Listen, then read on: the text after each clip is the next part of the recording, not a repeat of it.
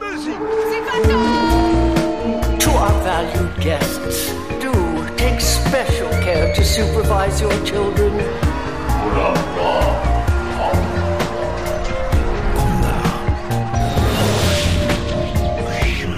Het is weer ochtend in Pretparkland.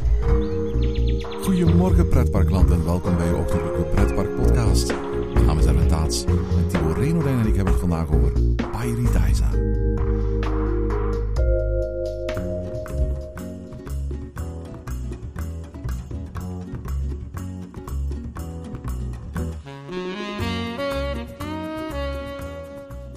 Goedemorgen Thibaut. Goedemorgen Erwin. Zeg eh, Erwin, eh, jij bent gisteren in Paradisa geweest? Ja, absoluut, absoluut. Veel parken houden aan het begin van het seizoen een, een persconferentie waar ze vooruitkijken naar het nieuwe seizoen. Voor Paradise is dat seizoen deze week van start gegaan.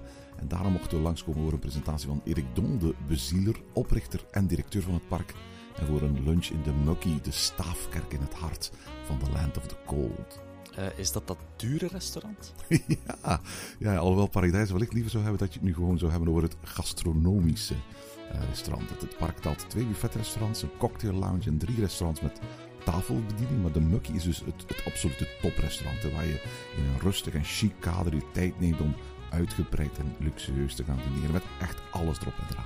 Als ik het zo hoor, dan is dit vooral bedoeld voor resortgasten dan.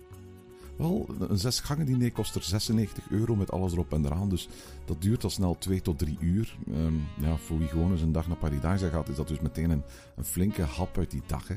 Maar eh, het kan natuurlijk wel. Het is, het is ook gewoon open voor wie een dagje naar Paradise gaat. Op voorwaarde dat je tijdig reserveert, want het restaurant is bijna elke dag volzet. Maar ik vermoed eigenlijk ook dat het vooral resortgasten zijn die dus meer tijd te besteden hebben. Die hier overdag of s'avonds gebruik van maken. Maar goed, dat was niet de reden waarom dat jij er was natuurlijk. Hè? Nee, nee, nee, nee. We waren uitgenodigd voor een presentatie van Erik Dondus, de oprichter van het park. Gevolgd door een gastronomische lunch op topniveau. Waarbij Erik dan één voor één even tijd maakt om bij iedereen aan tafel te gaan zitten en wat te praten. En speciaal voor Ochtend in Pretparkland hebben we zelfs een stukje van het gesprek in het Nederlands opgenomen. Dat hoor je straks. Maar de reden dat we deze aflevering dus niet live in het park hebben opgenomen, heeft er eigenlijk alles mee te maken dat het hele event verder in het Frans plaatsvond. En dat is voor veel van onze luisteraars, waarvan er ook heel veel in Nederland zitten, natuurlijk wat minder praktisch. Dus ik dacht dat het handig was om er op deze manier eventjes verslag van uit te brengen. Gewoon in het Nederlands, achteraf. Ja, maar kijk, maar we moeten dat toch ook zeggen. Het feit dat jij Erik Dom hebt kunnen spreken, dat is op zich toch vrij uniek, hè? Maar ja, ja, ja, absoluut, absoluut. Erik Dom is een bevlogen, echt een, een inspirerende mens. Maar tegelijkertijd is hij ook heel erg op zichzelf, heel erg timide. Ik ben al bij zo goed als alle persopeningen van Paradise geweest de afgelopen jaren. En dit is een van de eerste keer dat ik hem zelf meer dan gewoon een beknopt woordje heb zien richten aan het publiek. Of dat hij zelfs gewoon aanwezig was. Hij zoekt de media zelden of nooit op. Ehm, hij kiest erg bewust, erg secuur zijn interviews en doet er maar heel weinig. En ook al woont hij gewoon in het park, hij heeft zelfs een, een buitenverblijf, toch zul je hem tijdens een bezoek zelden of nooit zien. Zoals je wel altijd wel iemand van de familie Mak in Europa Park tegenkomt. Eh, Erik Dom is vooral in het park te vinden voor en na sluitingstijd en houdt zich voor de rest verre van de publieke belangstelling. Maar dus eigenlijk het feit dat Erik Dom er was, eh, ja, dat lijkt me dan eigenlijk meteen wel een reden om ons te duiden op het feit dat dit niet zomaar een persconferentie was, hè, om, om gewoon maar de nieuwigheden van 2022 toe te lichten. Dit moet wel iets bijzonders zijn, hè? Ja, ja, absoluut, absoluut. Uiteraard die nieuwigheden van 2022 die kwamen aan bod. Het leek vooral een krachtig signaal te zijn dat Erik Dom naar zijn bezoekers, maar ook naar zijn medewerkers zou uitsturen aan het eind van deze vijfde coronagolf. Namelijk dat het park na enkele donkere, na enkele sombere jaren het vizier vanaf nu weer resoluut richt op de toekomst. Zijn het ja, twee moeilijke jaren geweest voor Paradise? Ja, ja, ja, absoluut, absoluut. Erik Dom getuigde daar echt ontroerend oprecht over. De eerste golf in het voorjaar van 2020 was voor hem de moeilijkste van allemaal. Voor ons allemaal, denk ik. Eh, Het park is toen, net als vele andere, maandenlang gesloten gebleven, zonder enige vorm van uitzicht op beterschap. De verzorging van de dieren, vertelde hij, kost het park 100.000 euro per dag. Dus ja, dat is een slordige 3 miljoen per maand, hè? Precies, zonder dat er ook maar enige vorm van inkomsten tegenover staan als het park dicht moet blijven. Er was op dat moment natuurlijk wel overheidssteun, maar het park dat in 2019 nog meer dan 2 miljoen bezoekers had getrokken, dat, dat viel ineens totaal stil. Hij was als bewoner van het park maandenlang de enige stille getuige van hoe de winter ging en de lente kwam en het leven in het park ontwaakte, zich voortplantte, opmaakte voor de zomer.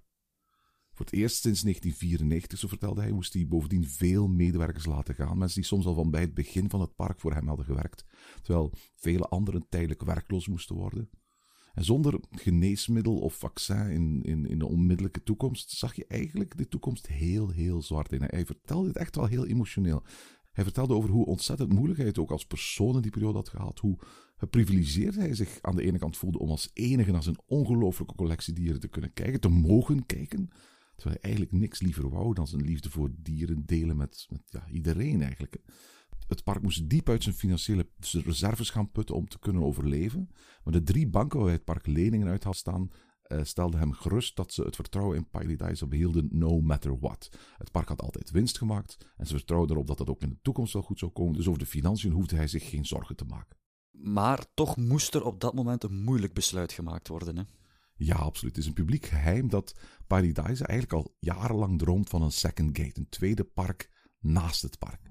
En dat moest oorspronkelijk een waterpark worden, zoals de wereld nog niet gekend had. Uh, waarbij mens en dier samen zich zouden kunnen vinden in dezelfde waterwereld. Een soort tropische zoutwaterbiotoop waar je als bezoeker niet alleen als een vis in het water zou kunnen voelen, maar ook met vissen in het water. De plannen waren groot en imposant. Denk aan een Rulantica met dierenthema. Maar de coronacrisis heeft het park toen toegedwongen die plannen op te bergen. Of de plannen louter op de lange baan geschoven zijn of echt van tafel zijn, dat is voorlopig niet duidelijk. Werd ook gisteren uit de persconferentie niet duidelijk. Er werden geen echte definitieve uitspraken gedaan, maar ik denk dat we wel vrij definitief kunnen concluderen dat het in elk geval de eerstkomende jaren niet meer op de planning staat bij Paradise. Heeft hij dan gisteren wel iets nieuws aangekondigd? Wel, wie de afgelopen jaren naar Paradise is geweest, die weet dat er heel wat werken bezig waren en zijn in het park. Eerst werden de, de 7000 parkeerplaatsen die grenzen aan het park verplaatst naar de overkant van de weg die langs het park loopt en overkapt met 62.000 zonnepanelen. En daardoor kwam die enorme oppervlakte van de oude parkeerplaats aan het park natuurlijk vrij. Nu, wie nu naar Paradise gaat, die ziet daar een enorme bouwput waarop verschillende werven tegelijkertijd wordt gewerkt. Ja, en die werken die zijn al even bezig, toch? Hè? Klopt, ja. De bodemwerkzaamheden en de funderingswerken zijn afgelopen winter gestart.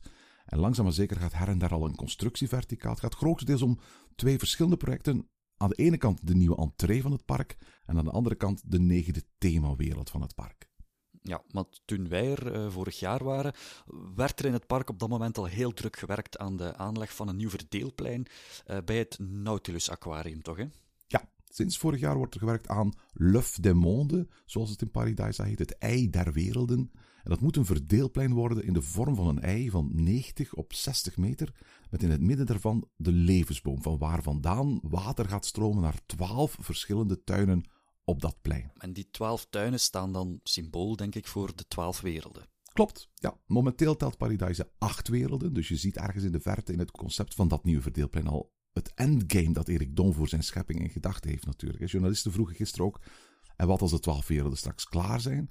Maar daar bleef hij heel filosofisch over. Paradise zal nooit af zijn, vertelde hij. De bestaande werelden zullen steeds onderhevig zijn aan vernieuwing en verfraaiing. Maar dat is iets voor, voor veel, veel verder. Hè. Paradise voegt ongeveer elke drie à vier jaar gemiddeld een nieuwe wereld toe. En de volgende wereld moet opengaan in 2024, over twee jaar dus, wanneer het park 30 jaar bestaat. En daarna zitten we dus zeker nog tot pakweg 2035 goed voor de realisatie van de resterende werelden. Momenteel hebben we dus al de wereld rond de abdij van Cambron, uh, China, Mersus Immergo, de wereld van de reptielen, Afrika in the Land of Origins, Australië in de Southern Cape, uh, het koude noorden in uh, Land of the Cold, de Pacifische kust van Noord-Amerika in The Last Frontier en Bali, Indonesië, Birma en India in het Kingdom of Ganesha. Dat zijn dus de acht die er nu zijn. Uh, hebben we een idee welke vier er nog gaan bijkomen? Ja, ja, absoluut. En dat was een van de grote momenten gisteren. Die heeft Erik Dom dus gisteren officieel voor het eerst bekendgemaakt. De vier werelden die Paradise de komende jaren moeten vervolmaken, zijn die van de Amazone, denk dus aan Brazilië, Colombia, Peru. De Japanse archipel, een eilandengroep waarvan de ontwerpen al op papier staan en vormgegeven zijn als een van de grootste en spectaculairste Japanse tuinen met alles erop en eraan ter wereld. Uh, het derde themagebied dat nog wordt, wordt toegevoegd is de steppen van Centraal-Azië en Mongolië.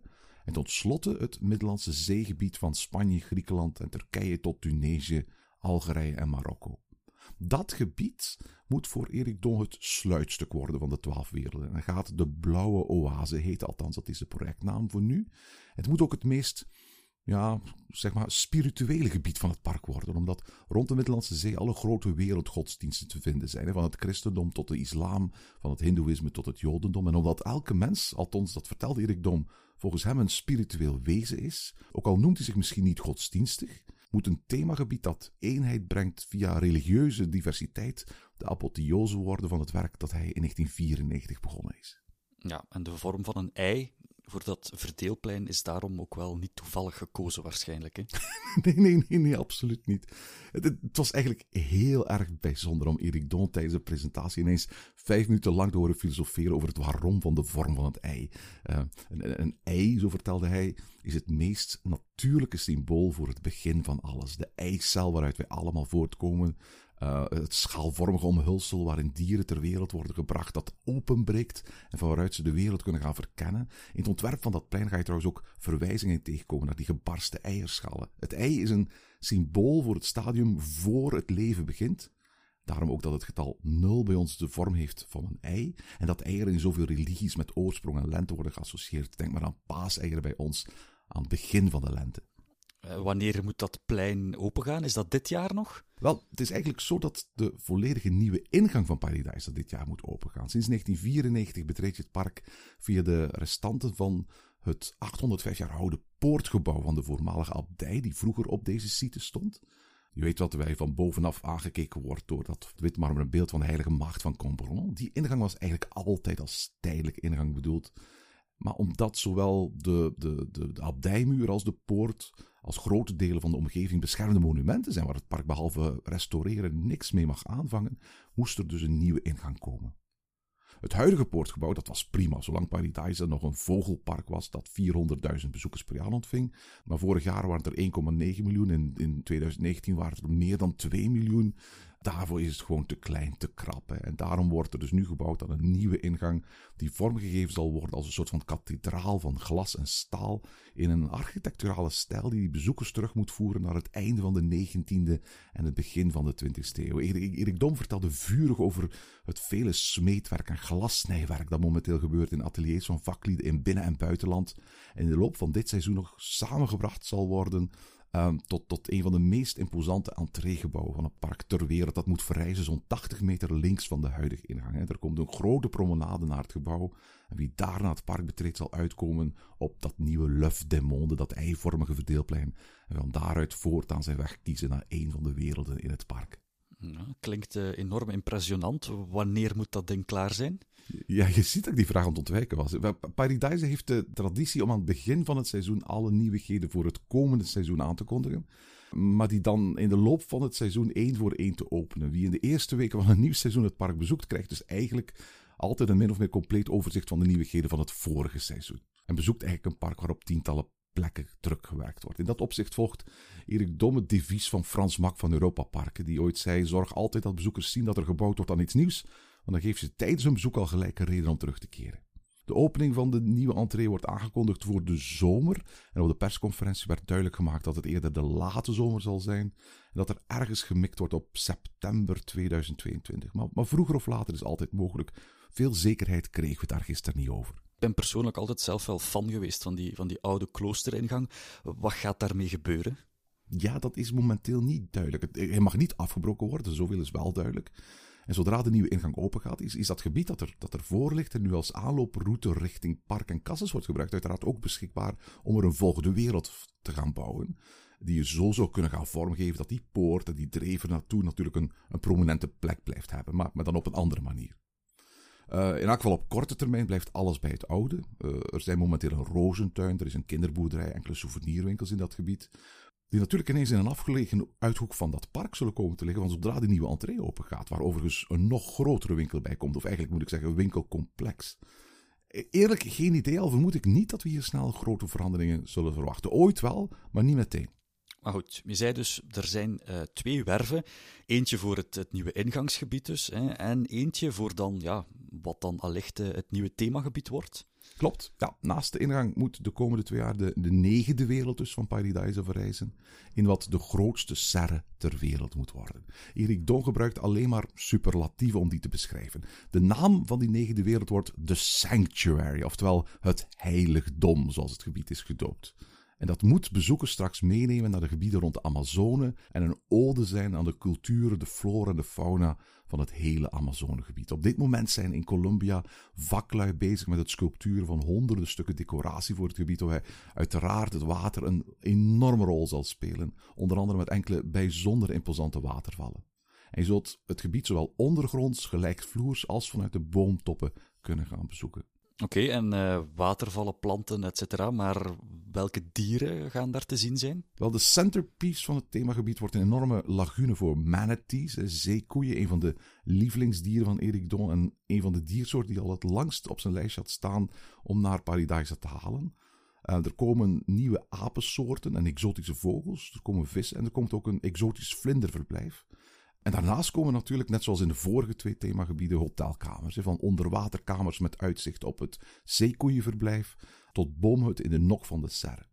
Die serre, vooral duidelijk, het wordt enorm. Vier hectare groot, pakweg twee derde de grootte van het Sprookjesbos in de Efteling. 22 meter hoog aan alle kanten en dus geen koepel zoals in, in, in Beauval in Frankrijk. Redon vindt dat de Amazone vooral gekenmerkt wordt door de vele meters hoge bomen. Als je een koepel bouwt, vertelde hij, dan kun je maar een paar bomen in het midden tot volle wasdom laten komen. Hij wilde echt de indruk krijgt van in een dicht begroeid Amazonewoud te zitten en dat de natuur zo maximaal mogelijk het gezicht op het glas boven je gaat onttrekken. En dat lukt volgens hem nooit in een, in een koepelstructuur. Vandaar dat er echt een soort van balkvormige serre gebouwd gaat worden. De grote uitdaging van het project is trouwens driedubbele. Enerzijds wil het park een zo natuurgetrouw mogelijke Amazone bouwen, waar het jaar rond 22 graden warm gaat zijn met een hoge graad van vochtigheid. Anderzijds moet het ook mogelijk zijn om in zo'n omgeving hotelgasten in optimale omstandigheden te laten logeren. En ten derde, en dat is een persoonlijke pet peeve van, van, van Erik Dom, alles moet klimaatneutraal worden en voor de volle 100% van echte groene stroom worden voorzien. Die combinatie wordt een serieuze krachttoer, maar het is een uitdaging die ze daar in Brugelet graag willen aangaan. Alright, dus ik hoor zeekoeien, bomen, serres, hoge, hoge plafonds, uh, klimaatneutrale verblijfplekken, etc.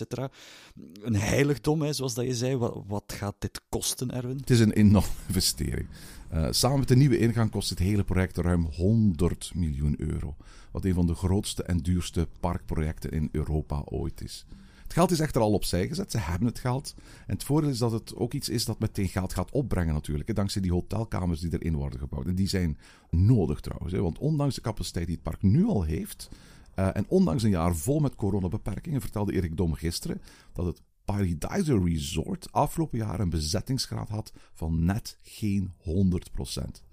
Van openingsdag tot sluitingsdag was elke hotelkamer die ze daar hebben nagenoeg elke dag bezet. Ondanks dat hotelgasten soms geen restaurants ter beschikking hadden door de coronabeperkingen. Ze zijn ontzettend blij met dit resultaat en ze kunnen eigenlijk niet wachten om nieuwe hotelkamers bij te bouwen. Is het park dan eigenlijk jaar rond geopend nu? Nee, en dat is eigenlijk wel bijzonder. De meeste dierentuinen zijn dat wel. Dit jaar waren ze gesloten van na de kerstvakantie tot vorig weekend. En ook volgend jaar sluiten ze enkele weken, nog in januari en februari. Maar uh, de opening van de Sanctuary, de negende wereld, zou voor Paradise dus die laatste stap moeten zijn naar jaar rond operations. Ik vermoed zelf dat we nog twee keer een wintersluiting mee gaan maken. En daarna zal Paradise gewoon elke dag van het jaar open zijn. Alright. Zijn er uh, naast die nieuwe entree nog nieuwigheden dit jaar?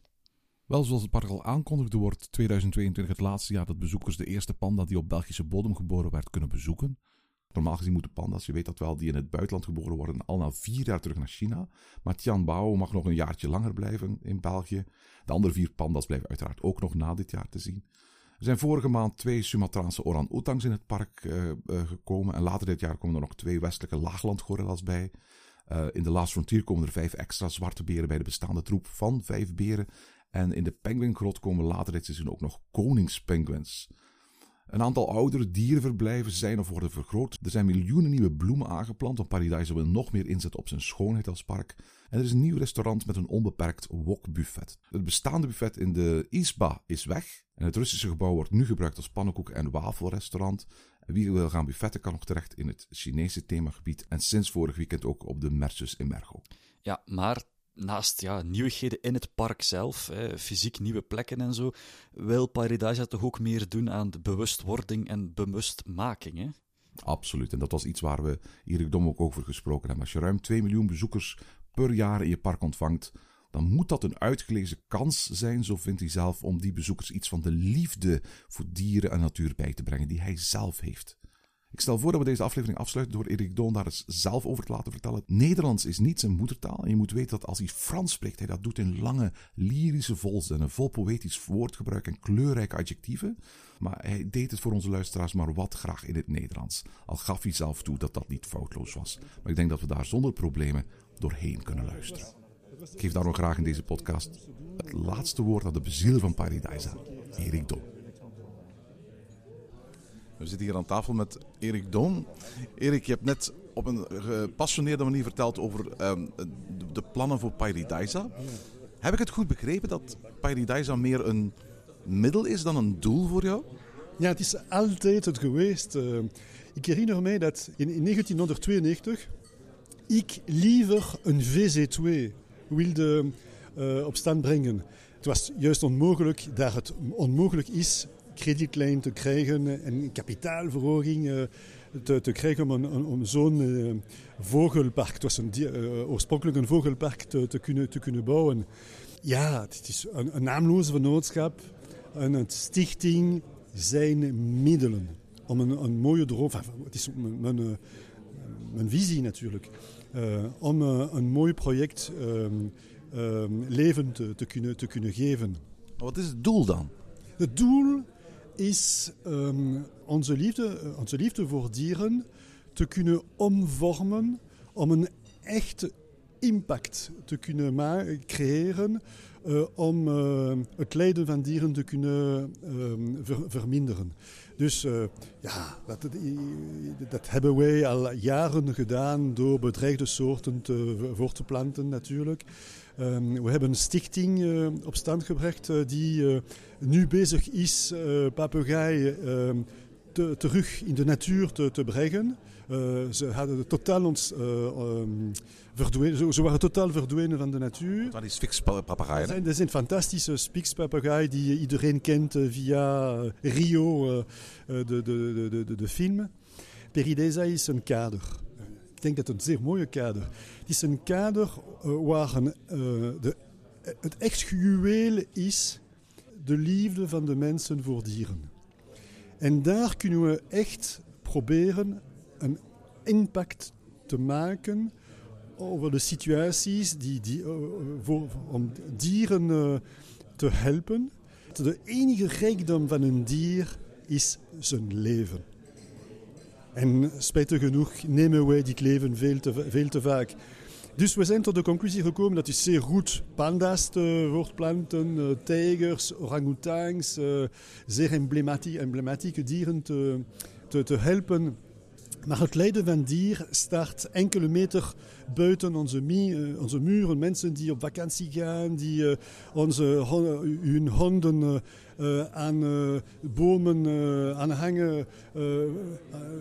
En dan zullen zij naar, naar, het zuiden gaan. De wijze waarop zoveel dieren mishandeld worden. Hoe kan de eerste toeristische attractie van België die liefde voor dieren, van, dieren voor, van, liefde voor dieren zijn doel maakt, geen aandacht daar zullen krijgen?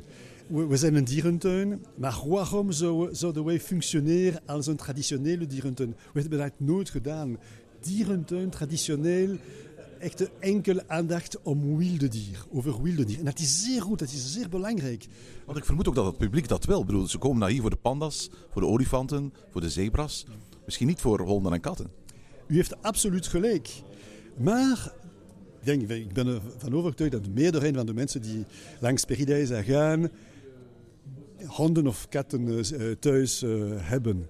En ik zie een fantastische opportuniteit voor ons. Zoveel mensen meer gevoelig maken tot de echte toestand van, uh, van dier. Het is een fantastische opportuniteit die wij niet kunnen uh, missen. En hoe, hoe gaat zich dat vertalen in het park? Wat ga je de komende maanden en jaren dan eigenlijk precies doen als Paradise om dat aan te wakkeren?